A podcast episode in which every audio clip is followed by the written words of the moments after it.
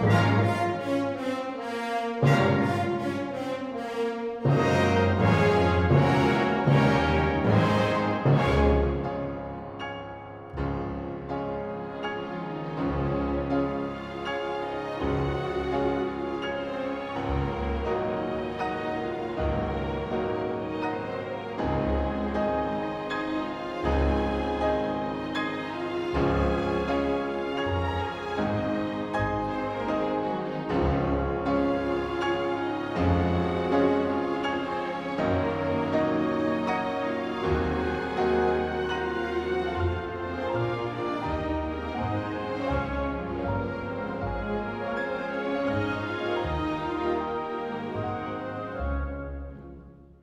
Heil og sæl, Alla Harðardóttir og Tómas Ævar Ólásson heils ykkur úr hljóðstofu Viðsjár meðugudaginn 25. oktober. Og við opnum þáttun í dag á blúsandi romantík, einum frægasta píanokonsert sögunar.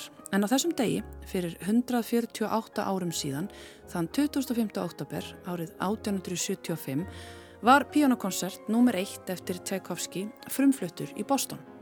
Uppáhalds píanisti Tchaikovskis, Nikolai Rubinstein, vildi ekki flytja verkið hann fannst það ekki nógu gott, svo það var Hans von Bülow sem frumflutti það.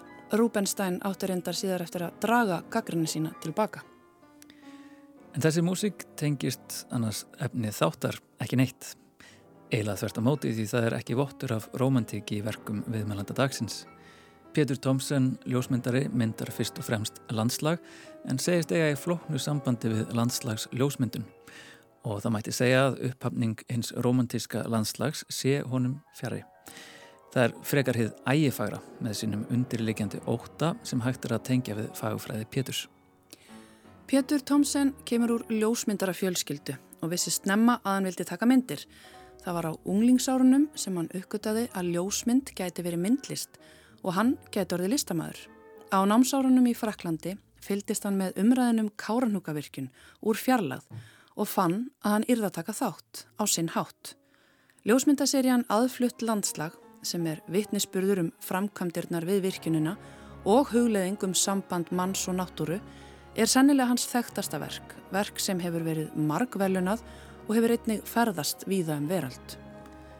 Síðan þá hefur Pétur haldið áfram að skoða samband okkar við náttúruna og tíminn spilar oft stónan þátt í verkum hans. Pétur er reikvikingur en kort er í raun ákvað hann að kaupa sér hús á Sólheimum í Grímsnesi þar sem hann býr í dag með fjölskyldu sinni. Þar er hann með sína vinnustofu og þar heldur hann úti útvæðstætti á samt þjónustu þögum Sólheima. Og það er Pétur Tomsen sem setur fyrsta lagið á fónin.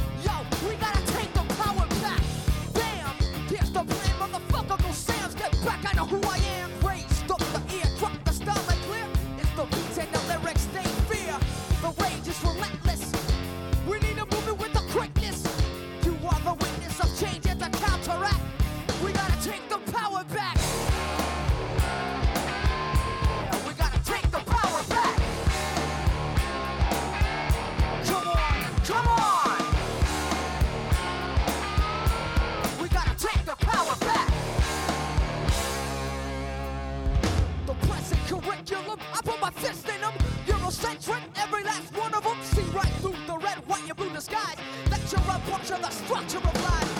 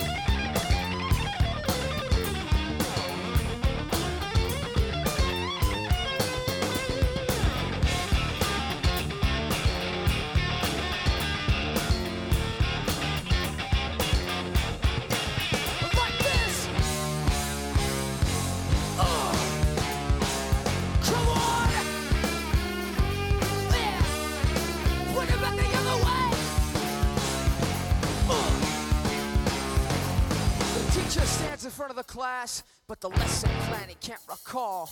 The students' eyes don't perceive the lies mounting up every fucking wall. Composure is well kept. I guess he fears playing the fool. The place that students sit and listen to that bullshit that he learned in school. Europe ain't my boat to swing on.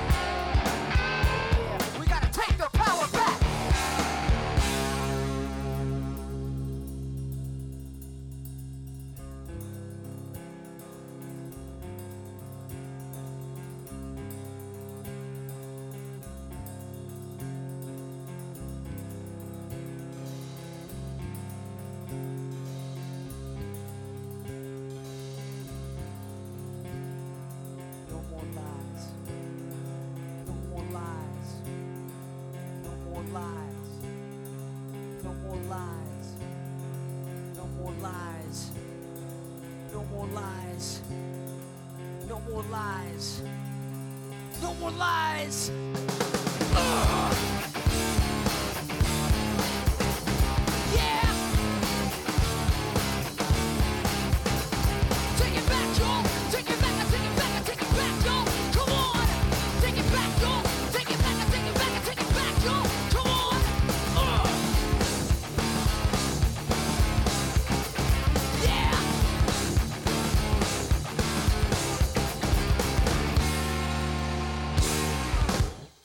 Hefjum svipmynd vikunar af krafti. Pétur Tomsen, ljósmyndar, verður velkomin til okkar. Takk. Rage Against the Machine. Hvenar varst þú að hlusta þetta? Um, alltaf, uh, bara, þetta fyllt mér frá þetta kom út sko. Hvar varstu í lífinu þegar þetta kom út? Statur? Þegar þetta kom út, sko, mér finnst þess að þetta hafi verið stór partur af, hérna, einhver sumri þegar, hérna, þeir eru kominga, mann í hvort það var 91 eða 2 eða eitthvað. Ég var að vinna í álverðinu í Strömsvík og hérna, og já, þetta var, ég hlusta á, á þessa blötu bara á repeat, gesla spilara og hérna, gerir mjög oft enn og allt er að dót það er eitthvað svona minningar um, um hérna, tónleikana og sem ég mista af að því ég var í vinnunni og, og, og hérna og djam eftir það þar sem þeir voru líka. Þannig að þetta var svona, já, á hressó og þetta svona markaði hérna markaði mér svolítið þetta hérna, já, þessi tónlist. Fyllt mér alveg síðan. Og finnst þér hún breytast uh, þegar þú setur hún á, hafa, hafa breyst þegar þú setur hún á fónin í dag?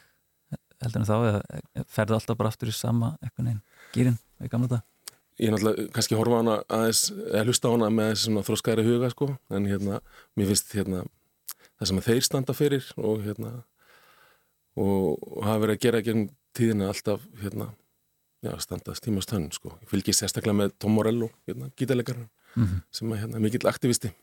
Þannig að þeir hafa blásiði svona uppreisna randan í brjóstið eða hvað? Já.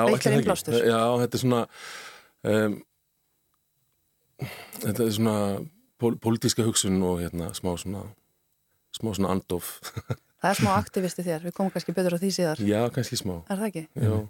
Mm En, en hvenær kemur ljósmyndin eða ljósmyndun inn, inn í líf þitt? Herðu, ég, hérna, ég fæðist inn í það. Það er bara þannig. Ég svona, kemur úr ljósmyndara fjölskyldu, eiginlega. Afi var ljósmyndari og hérna, og allir hef ekki bara verið brennimertur þegar ég var skýrður. Ég í höfuð á honum. Þannig að, hérna, þá, hérna, fór eitthvað svona atbara þessi gang alveg þá og svo, hérna, er, er alltaf rosalega mikið myndalum í kringum hann veistu, nú- og það er bara svona eitthvað svona dót, myndaðalar er, er hérna út um allt, full skúfað myndavælum og eitthvað. Það var kannski en samt ekki kannski fyrir en ég var 15 ára hefur ákveðin sko, hvað ég ætlaði að gera en samt það snemma Ég man eftir einhverju síningu þar sem að myndum ykkar tveggja var stilt saman Já, mitt. og hérna það er alveg aldrei merkileg saga á baku afa þinn, hann fór utan til náms bara á stríðstímum var það ekki? Jú, hann fer hérna fyrir hérna, setni heimstyrildina til eða sérst fyrir Danmörk að vinna og fer svo til Þýskalands í nám og hérna, svo er hann uh, alltaf þar þegar stríði brýst út og, og hann er bara í Þýska hernum og er ljósmyndar og kvikmyndtökumæður í Þýska hernum og allt það og er hérna og kemur til Íslands ekki fyrir hvað 43 aftur í kafbátt settur út og finna fyrir því fyrir austan og átt að gera snjósnari fyrir þjóðvira þannig að þetta er svona, já, maður er svona, já, vá, ok. Ótrúlegt. Já, þetta er mikil saga en hérna, sem að hann vildi ekki tala um. Eh, nema bara, já, ég, maður lesi þetta í einhverjum viðtölum í gamalli viku eða eitthvað, Mm en hérna hann vildi aldrei ræða þetta. Það verið kannski svolítið erfitt að líta það tímbil. Ég held að hann hafi verið illa haldin af hérna, áfalla streytur öskun Mhm. eftir þetta og hérna átti bara frekar erfitt líf sko með sjálfan sig, út af þessu sko alkoholismi og allt það sko Mm. þannig að hérna, þetta, er, þetta stríðir ekkert grín sko Og þú kynnist þessar eh, ljósmyndin í gegnum hann þá? Já, gegnum hann og gegnum pappa sem að lærði ljósmyndin hjá honum og ömmu, sérstaklega ömmu kannski sem ég læri mest af henni. Ég lærði eiginlega ekkert af, svo sem af afa ljósmyndan tengt, sko hann deyr þegar ég er hvað, 16 ára eða eitthvað þannig, 15 ára. Og þá er svona rétt byrjaður að gera þetta af einhverju alvöru. En hann, hann sagði mér reyndar að, hérna, að ég ætti að gera eitthvað annað. Er. Já, já hérna, en amma hún stuttum mig alltaf og pappi og hérna, þau kendu mér ímislegt. Þannig að ég, hérna, ég lærði svolítið mikið af þeim. Mm Hver- Hvers vegna að- að gera eitthvað annað? Ég, ég veit ekki hvað vakti fyrir honum sko. það, er, hérna, það eru nokkuð margir sem að sagði mann að gera eitthvað annað mm Mhm. maður var að spyrja ráða af eitthvað svona hvað maður þetta að gera það, hérna. Og það er kannski bara því að menn sá fyrir sér að ljósmyndun væri ekki hérna, ekki nógu góð atvinningarinn til þess að vinna í eða, eða, eða þannig sko, ég held að og sem er að hluta til rétt sko. Þú fórst heldur ekki alveg kannski þessa praktísku leið í ljósmyndinu, þú ert Nei. svona myndlista megin kannski. Já, nokkulega, ég hérna var alltaf eins og ég sagði hún, var kannski alltaf með eh, ljósmynduna í höndunum og ljósmyndamiðilinn einhvern veginn en sko það tók svolítið tíma fyrir mig áttum á því hvar ég ætlaði að lenda, ég hafði engan áhuga og hef engan áhuga á hérna, en þann dag í dag hérna, svona kommersial hliðinni og er, er bara örgulega mjög lélugur kommersial ljósmyndar ef ég fær að reyna það. En hérna og það var svona smá revelation hérna þegar ég var 18 ára og fór á síningu hjá Ívari Brynjóls Galleri 1.1 skólaverstík og þá þá sá ég, ó já, það er að vera listamæður það er að gera síningar veist, þetta er það sem ég er búin að vera byggð eftir. Þarna, þarna er þetta. Og, hérna, og þá, þá svona eftir það þá, þá vissi ég að þetta væri möguleiki. Og, og stemdi bara á það. En þú færst samt að læra forlega fræði. Já, já, sko það er hérna, já, ég hefði náttúrulega líka vilja að vera Indiana Jones, þú veist, það, þú veist, það er alveg á hreinu, en hérna, það var svona þegar við erum krakki, sko, þá var það kannski málið, en hérna, en já, ég nefnilega, ég, ég ákvaða að fara út að læra, það var svo sem þetta að læra hérna heima.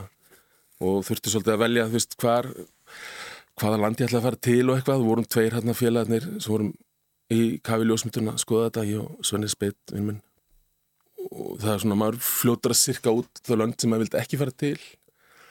Nú, Já, bara ég vildi ekki vera til Ameríku, ég vildi ekki vera til Breitlands og Þískaland kom ekki til greina, ég ætlaði ekki að vera alveg eins og afi. Um, og svo hérna fór ég hérna í upplýsingamistu fyrir námi Erlendis. Og, og hérna fekk bæklinga. Svolítið langt síðan. Og hérna og þá var hérna bæklingur sem var á frönsku og ég skildi hann ekki um hérna ljósmyndaskóla í Fraklandi og, og ég fór heim, til Svenna vinnum eins og pappans er hérna Jón Speið tónskald sem að talaði frönsku og gætt þýttan fyrir mig. Og þar stóði þetta verið hérna erfiður skóli að komast inn í og þá var þetta ákveðið sko. þarna kom það og erum búin að finna skólan og Frakland með list ágætla Frakland þannig að hérna þannig að markmiði var alltaf tekið þonga ég ætla alltaf að fara þetta nám og hérna þetta var veist, ljósmyndin sem myndlista miðill var veist, Í skólan í Arl. í skólanum í Arl mm -hmm. já, Suðurfrakaldi og ég fyrir út 97 og á þeim tíma frá því ég fekk bæklingin þá þegar ég kom út og búið breyta námunni í mastersnám þannig að ég var náttúrulega bara með stúdinsprófan ég er að taka eitthvað annan nám til að komast inn þannig að ég byrjaði náttúrulega að læra fransku og fer svo í hérna, listasögu og forðlafræði sem er kent saman oh, wow. því hún nefndir forðlafræðina Einmitt, já, var það kent saman? Já, og fyrstu tvö árin er það kent saman og hérna því að þú veist forðlafræðin er bara listasaga sem gerist fyrir rosalega lungu síðan. Og, og hérna var hann í Montpellier í hérna, Pólvælir í háskólanum. Það er svona miðstöð hérna, Egiptalandsfræði í, í Fraklandi og það, það var það var virkilega áhugavert. Allt á frönsku náttúrulega. Og ég tók eitt ár í því. Mm. þá bara ger ég mig grein fyrir því að ég var ekki alveg nógu góður í frönsku. Og þetta er eftir með að skrifa rítgerir eftir að hafa lært frönsku í eitt ár. Þannig að ég hérna breytti til um nám, fór í tók hérna uh, BTS nám í ljósmyndin sem er svona BS nám Mm. pakkað saman á tvö ár Mhm. mjög intensíft og Í hérna- Montpellier. Í Montpellier, já, Mm. í engarskóla. Og þetta BTS nám er svona, þú veist, það er hérna kent út um allt og svo er samræmt próf yfir all landi sem allir taka og hérna, þannig að þú getur lært þetta hvað sem er en þú er allir að fara í samprófið. og síðan ferði í meistaranámið í, í Arl Já, bænum í Fraklandi já, uh, hvernig voru þau námsár? það var rosalegt, hérna, þetta var endur allt rosalegt. Það er hérna, um, sko það sem að Arl var náttúrulega allt, allt öðruvísild en allt annað sem ég kynst í námi, uh, sko þetta var náttúrulega listaskóli og vistilega var mjög örfitt að komast inn í hann og mikið prógram að komast inn í hann, indökuprófið var mjög örfitt og hafðist einhvern veginn og hérna það opnaði mann algjörlega og hérna sprengdi mann eiginlega bara upp þetta nám algjörlega, maður hérna sá allt öðruvísi, leita allt allt öðruvísi á ljósmyndamiðlinn, maður horfið allt öðruvísi eftir þetta nám og hérna hugsaði allt öðruvísi. Þannig að það breytti mér mikið sko. Þegar þú ert þarna, þetta er svona í kringum aldamótinu, eða ekki? Jú, byrja allt 2001 Já, þá er þryggja ára mastersnám. Einmitt mjög frægur skóli og þetta er náttúrulega þessi borga bara söðupottur fyrir samtíma ljósmyndun. Já, og hérna, en á þessum tíma þá er rosalega mikið að gerast líka í ljósmyndun. Þetta er svona, þarna er sko filman að hverfa. Já, og digital að taka við. algjörlega. Það er svona eitt svona uppöfð af því sko. Það var samt sko 90 99% öllu sem gerist í skólanum var ennþá á filmu og analóg sko. Og var það alveg aðeins svolítið áfram. En hérna alls konar tilrunni gerða með þetta stafræna samt sko sem að hérna ég fór svolítið ekki inn á fyrir hvað, 2015, 16 eða einhverju viti sko En, en hvað varst að hugsa á þessum tíma? Hvað, hérna, hvað varst að mynda? Heru, Hvað ég, vakti áhugaðinn? Sko ég kem inn í hennan skóla um, takandi ekkert nema portréttmyndir af fólki bara endalust að taka portrétt sem ég fannst alveg ægilega erfitt en ótrúlega gaman og svarkvít og eitthvað og svo bara hérna um, þegar ég er hérna hvað búið með tvö ár þá hérna gerast stóri hlutir á Íslandi. Eh, 2003 þá hérna byrjar þetta kárnungæfantýri allt saman. Og, og ég var náttúrulega fylgjast með þessu svona úr fjarlæð og eitthvað og hérna og, og þá fór ég að spá í hvað ég geti gert varðandi það allt saman. Og fannst þess að ég þyrta að hérna komast einhvern veginn inn í þá umræðu. Og líka það að sko ég hérna hef átti mjög örfið sambandi við landslagsljósmyndun, íslenska landslagsljósmyndun aldrei fundið mig í, í henni eða bara reyna með að skilja hana bara hennilega og þess að landslagsljósmynda hefð eins og hún hérna, er til. Og tengi bara, tengdi bara ekkit við hana. Og hérna, en það var kannski svona í gegnum þetta kárnugæfendiri ég verandi í Fraklandi um, hafandi unnið í álveri í mörg ár og hérna svona með smá aktivista í mér langaði til að hérna, uh, einhvern veginn er að finna flöt á landslæðinu sko.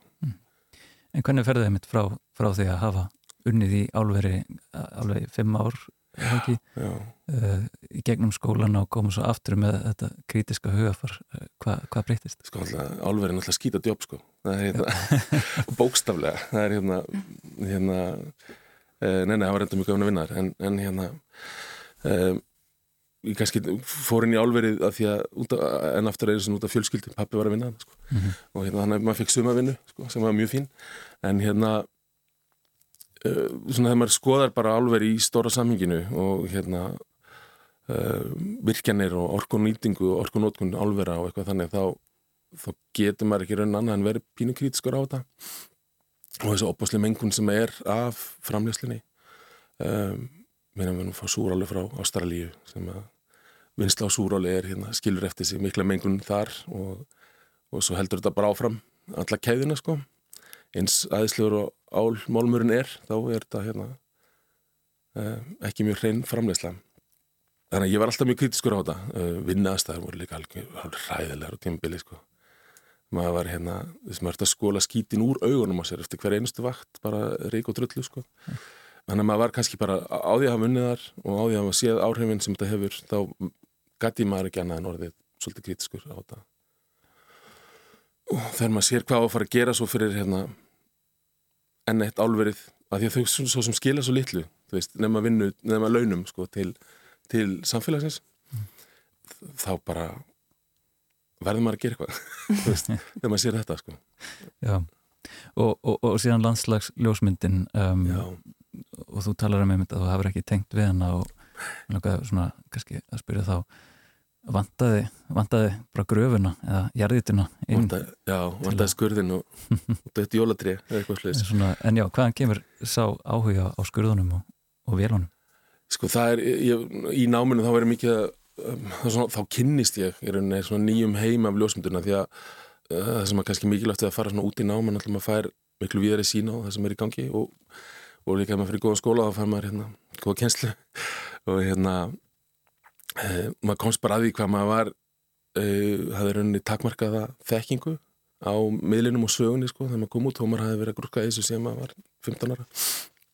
Og þá kynist ég svona almenlega hérna þessar reyfingu The New Topographics reyfingunni sem að, eða ja, reyfingu síningunni sem var hann að 75 eða eitthvað sem það var og hérna. Og þegar þetta mannkerðar kemur inn í, inn í landslæðið og, og hérna og það er einhvern veginn það sem að heitlaði mig ótrúlega mikið. Og, og líka kannski þetta að hérna, þessi beinu áhrif mannsins og yngripp mannsins í náttúruna. Mm -hmm. svona, sem, sem að sína svo þetta, svona, ég talaði alltaf um að ég var að taka myndir af íslensku samtíma landslægi ég notaði það svolítið að ég, hérna, þetta er kannski það sem við erum að gera núna þetta er það landslægi sem við erum að búa til og svona spurningum með þetta skilgreiningun á landslægi sko. við erum með landið og, hérna, og landslæðið verður náttúrulega ekki til fyrir að einhver er að horfa á landið mm. við erum, hérna, landslæðið er ekki hérna heldur landið er hérna og, og þannig að hérna það var þetta mér fannst þetta bara að tengja svo mikið sem við samfélaginu samfélagsumræðinu og allir því sem var í gangi og hérna um, fannst þá eins og að öll þessi yngripp, að geta sínt þessi yngripp væri hérna, eitthvað sem að ég þyrrt að gera mm -hmm. og hafi mikil, mikla þörfur að gera. Og hérna kannski þessna sem að sé skurðir og, og mm -hmm. gröfur og dótt kemur inn sko. Mm -hmm. en, Ég held áður við höldum lengra og fyrir á bólakaf í landslagsljósmyndunina og, og hérna og kárnuga þá skulum við heyra næsta lag. Ok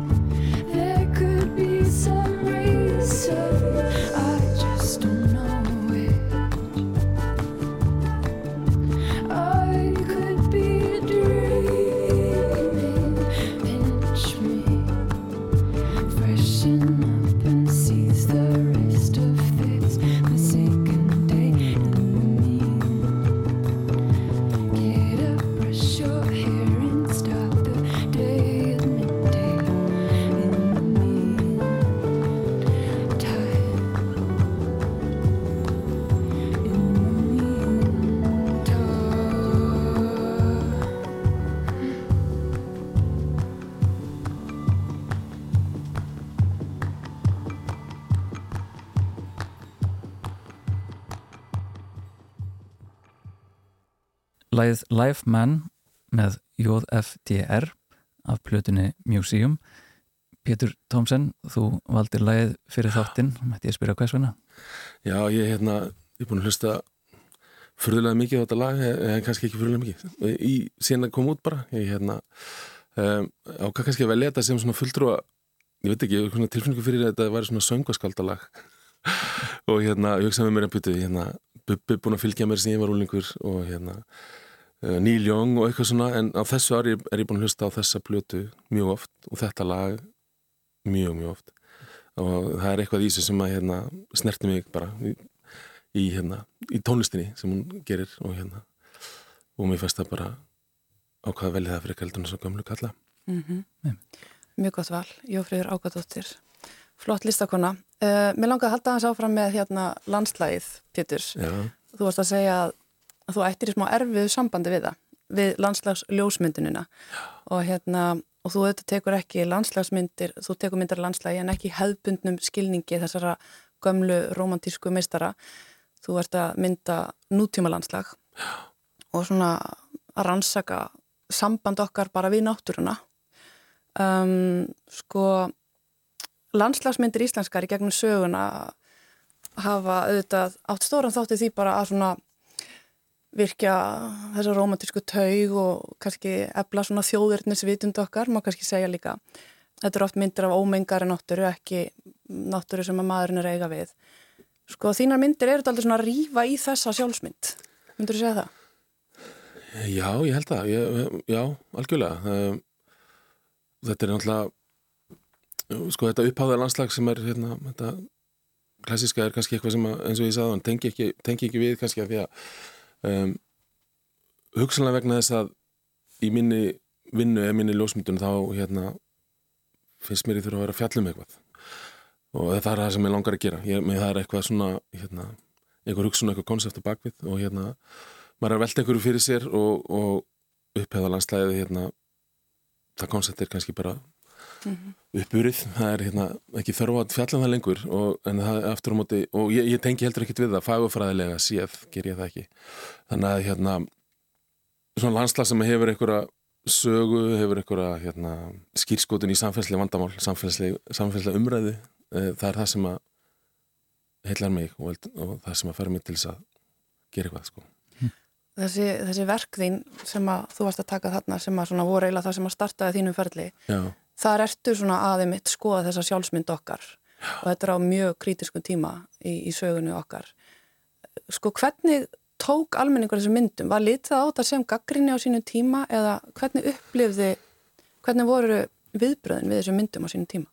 sko þau voru hérna, sko begja bland, sko. Ég, ég passaði má að ég gaf ekkert upp mín afstöðu fyrir en bara ég síndi til listasafni Íslands 2010 en það var, ég fekk alveg óbúslega sterk viðbjörn frá þeim sem voru á móti bara ein, e, gerist einu sem ég var sín í Galleri Törpundar sem var þá til í nýri miðbæja var ein mynd sem ég hekk upp á vegg og það kemur einn kona og hún öskrar upp alveg hvað er að gera með þessa hrylling hérna upp á vegg og, og, fer út og skellir hurðinni sko.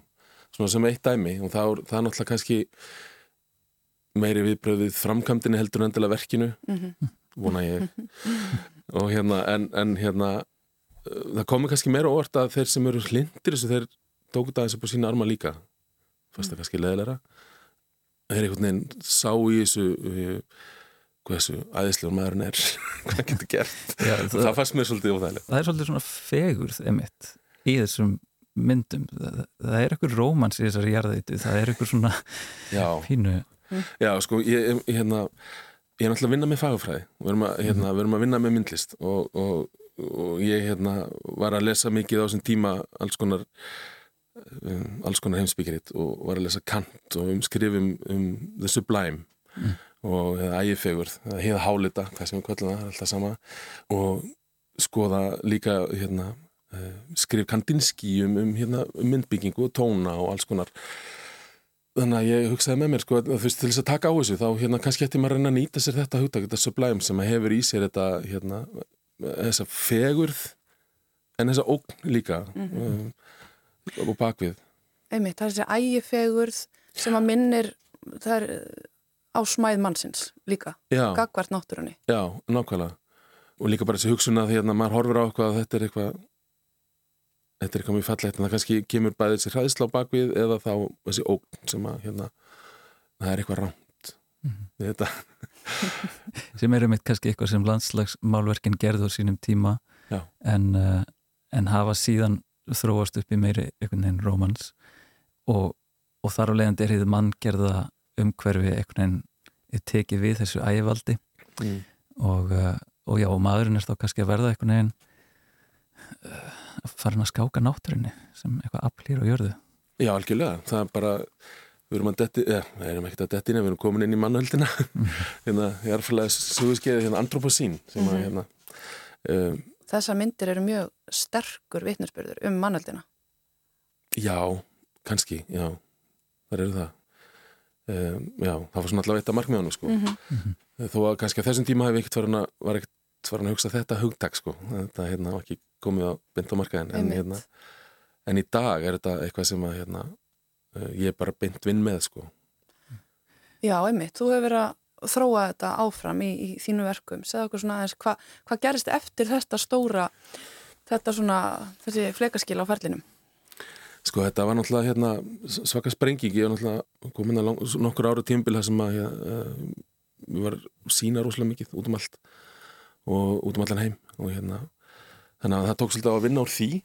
Og svo hérna er ég búin að vera að gera og hef sínt það hérna heima eftir þetta hérna það sem ég fór að mynda, mynda uh, útrás borgarinnar í, í hérna í veist það er kannski svona það sem gerist beint á eftir.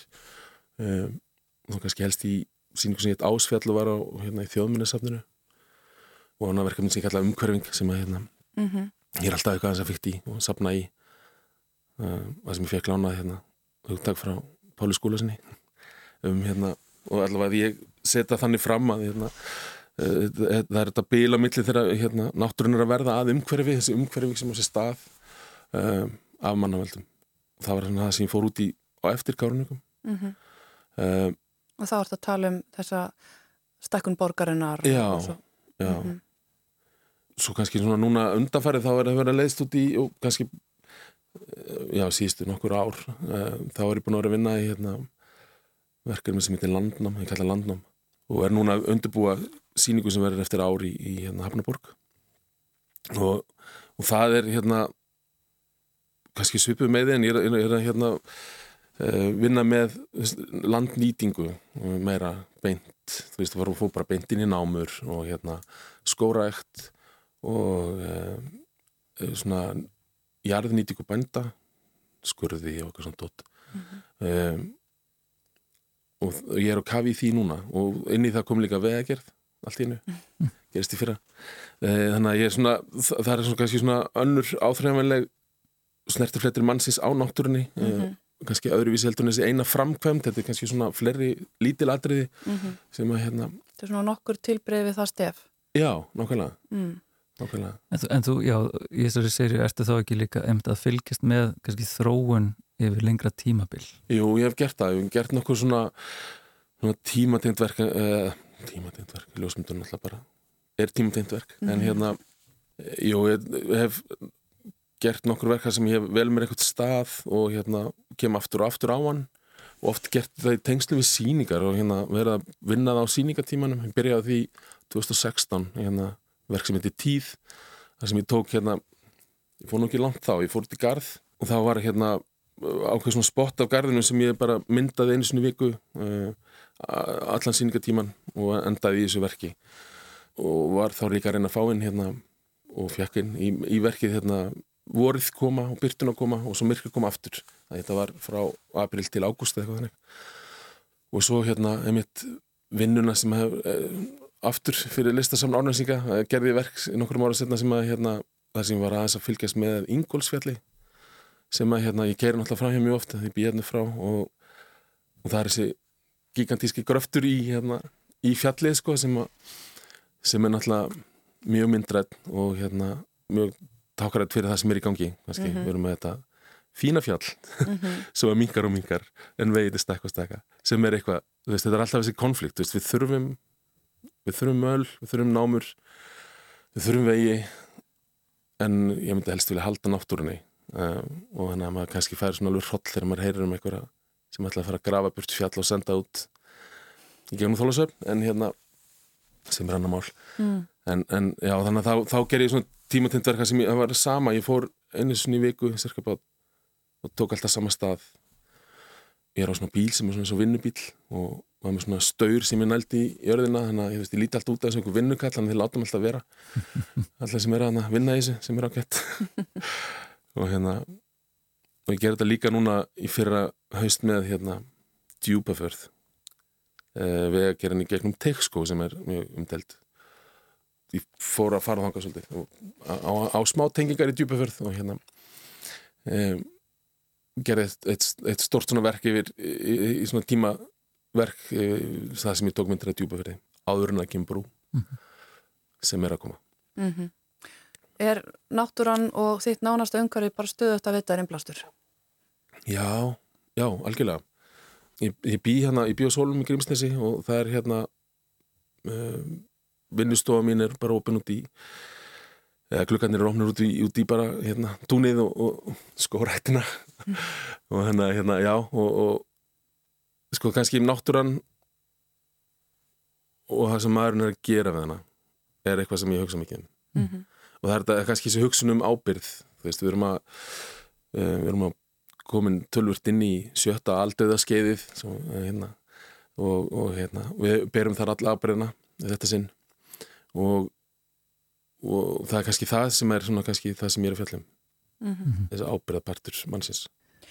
En við tölum aðeins um sko svona vinnuaðferðir og, og hvernig þú hérna vinnur og segja sért með vinnustofu heima hjá þér og hérna þú byrjar bara í filmunni sem hefur þróast áfram. Já, sko ef ég hef lesið þetta rétt þá finnst mér að líka vera svona aðeins að hérna bara svona útlýtt myndana hefur líka aðeins breyst út meira farin að nota kannski flass og, og svona áferðin er önnur algjörlega. Ég, hérna, já, ég, byrja, ég byrja bara í þessu hvað þetta er, traditional fjóru svona fimmtómu blaðfilmi ljósmyndun sko.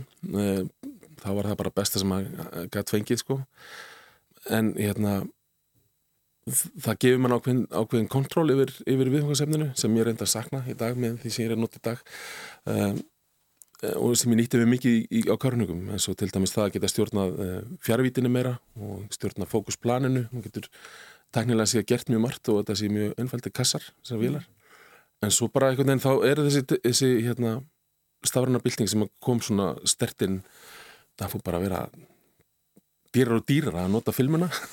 Og næstu ógerlegt. Þannig að hérna, ég fór að, og líka það ég fekk þess að löngun til þess að því þú nefnir þetta með, með flössin, ég fór að fá þess að löngun til þess að ná smá kontról á að hafa smá svona stjórnun á einmitt lýsingunni.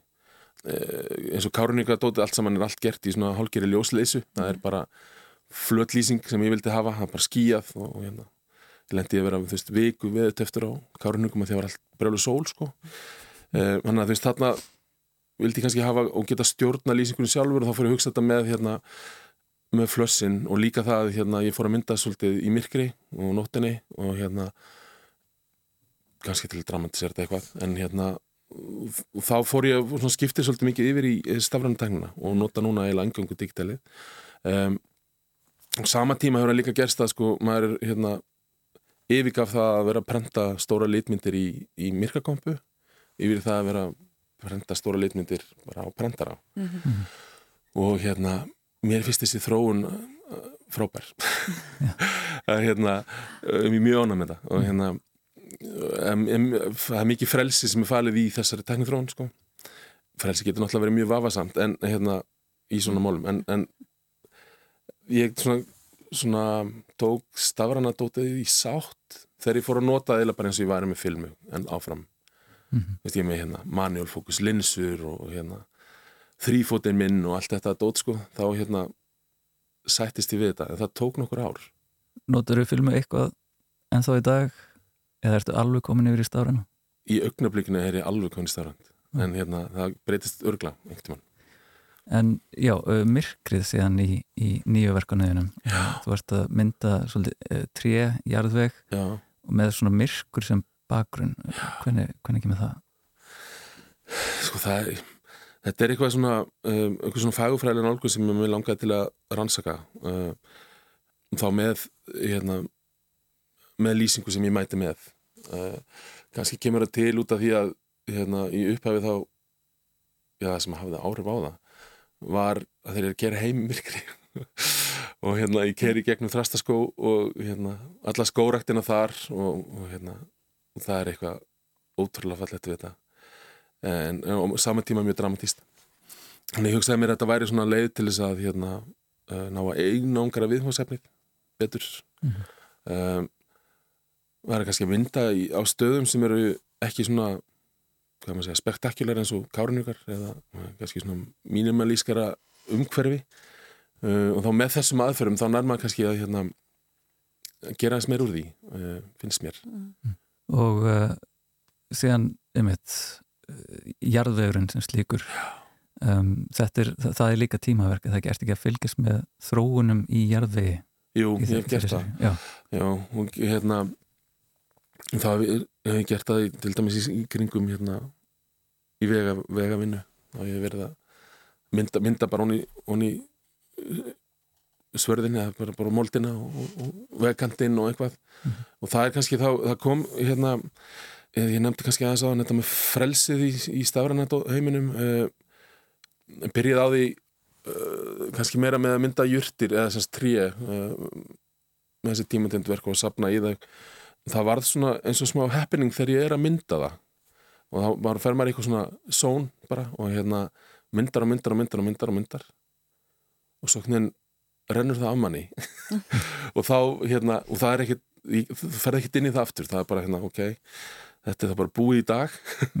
Og, og, og þannig hérna eins og til dæmis sapnaði myndum af hérna af, af trjám í, gar, í garðinu hjá mér sem gerði stort verkur skallega Preludate sem var hluti af, af þessari, þessari hérna ferli að komast inn í hennan stafrana heim í rauninni. Mm -hmm. og það var myndað með flassi líka. Um, og þannig gerði til dæmis eitt verk sem að er tekið bara í vegkantinu með Ingolsfelli og það var hérna uh, fór ég bara að mynda uh, það var eitthvað sem að bara fagfræðilega öskraði á mig hana. og ég átti því svona gott moment þar í einhverja mm. það var ekki langur tíma, klukktími eða eitthvað og hérna það sé ég mynda og mynda og mynda og svo bara eitthvað þessu að réttast að manni og maður hérna bara, hérna, það er ekkert, ég sé ekki neitt lengur mm. það er hérna, ég, ég bara finna enga myndi í viðbútt, þannig að þá hætti maður og kemur kannski að aftur setna sko. mm. og svo hérna verða til þessi verk úr því að maður er kannski með ægilega mikið fjöldamyndum sem er þetta og kosturum við digitalið, en hérna maður er með fulltamyndum og, og, og vinnur úr þeim og er kannski í svona smá púsli og hérna, og þá hérna allt innum meikar þetta sens Mhm. allt saman komið í svona smá klassa Það er svona smá gjörningaelement í þessu hjá þér. Já, það er það, ég, ég ætla að ég upplifa það þannig. Og hérna, já, Einmitt. algjörlega. Og frá trénu og ofan í jarðvegin er þetta forlega fræðin sem að Ég held það, leirið þangað. ég, ég held það sko. Ég, já, ég meiri þess að stökka stað þegar ég komið hérna fréttir um eitthvað forlega fund á hérna á flúðum. Og hérna mætti hérna þar allir voru hættir að vinna og fór að mynda hérna skurðin sem, þeir, gerðu þannig að þá gæti samin að sko forlega fræðin og skurðin í hérna nokkru myndir Kanski endar eins og Indiana Jones með ljósmyndavél. gæti, gæti verið sko, það væri nú ekki slæmt maður Mér langaði svo að spyrja þig á því að það er ekki mikil tíma eftir. Þú, þú ert búin að tala mjög mikið um þetta svæði þar sem þú býrð og þú býrð á sólheimum í Grímsnesi. Segðu okkur svona aðeins frá því af hverju ákveður að flytja þangað og hvernig er að búa þar? Já, hérna gerist bara þannig að fóreldrar mínir fluttu þarna 2005, pappi var prestur á svæðinu. Svo nokkur mánu setna þá vorum við hérna, ég og kona minna, húsnæðisvandræðum hérna í bænum og, og hérna móður mér ringir í mig og segir, herru það er hérna rosalega skrítið hús hérna til sölu sem er með tré í hérna tré í stofunni og hérna ræsi í hólinu. Og ég bara, ha, ok. Þannig að við fórum að skoða þetta, það reyndist ekki að vera neitt tré í stofunni en, en hérna, hún hafði eitthvað sétt, eitthvað skakt. En það var hérna allavega við endum á því að flytja þarna og, og konum mér fyrir að vinna þarna. Já, 2008 kortir hrun, frábær fjárfæsting og hérna sem að bara reyndist vera mjög góð ákvörðun. Um, ég er hérna með mína vinnustofu og, og hún vinnur hérna sína vinnu. Sér um vinnustofunar og hún er myndlist konar myndið ég hef svona smá aðkoma að starfinu sem er hérna. Það er hérna, þetta er náttúrulega sólumar eru e, sérstaklega staðir það er hérna 45 þjónustu þegar sem eru sem búa hérna og eru við 100 mann sem búa í þorpunu og þetta snýst allt um e, vinnu með fölluðu fólki og sem er mjög gefandi. Og hérna og með tímanum þá hef ég fengið svona smá aðkoma þess að ég hérna uh, reyk hérna útastöð með hérna sem er sendur út föstudags eftirmyndag live óskalega þátt óskalega þátt Rúps útvarp Sóluma þannig það er hérna það sem ég ger hérna og er bara æðislegt sko, vinn hana með frábæri fólki sem að meðlans Reyni Pétri sem að amelda til að mikið með ameldarinn og Gunnar Einarsinni sem er mikill og fættir út af smæður mm. og Marju Jakobsen líka sem að vinna með mér hann á leifur. Þannig að það er hérna við erum hann nokkuð saman alltaf fyrstum og, og þetta umhverfi allt saman uh, er bara mjög gefandi fyrir mann sem listamann. Uh, ég er líka er svona svolítið svona uh, þarf að draga múr hlje og þú veist, inn, fá hérna mitt frí þannig að ég er býn á svona, þægilega langt frá bænum. Og hérna get einangrið með þar í, í, hérna, á vinnustofni þannig að hérna, maður hefur svona elementið að búið út á landi næstuðið búið í bóndabæ, bí í þorpi uh, já, allt pakkað í eitt stað sko, sem er mjög gæt Hljómar þessu paradís. Já, en uh, við erum komin að, að lókum þáttar í dag. Uh, Pétur Tómsen, takk kærlega fyrir að vera með okkur og segja okkur frá lífið þín og starfi. Takk fyrir mig En við erum með loka lag sem þú valdi fyrir þáttinn. Hvaða lag? Herðu, það er hérna alltaf gerir spræður uh,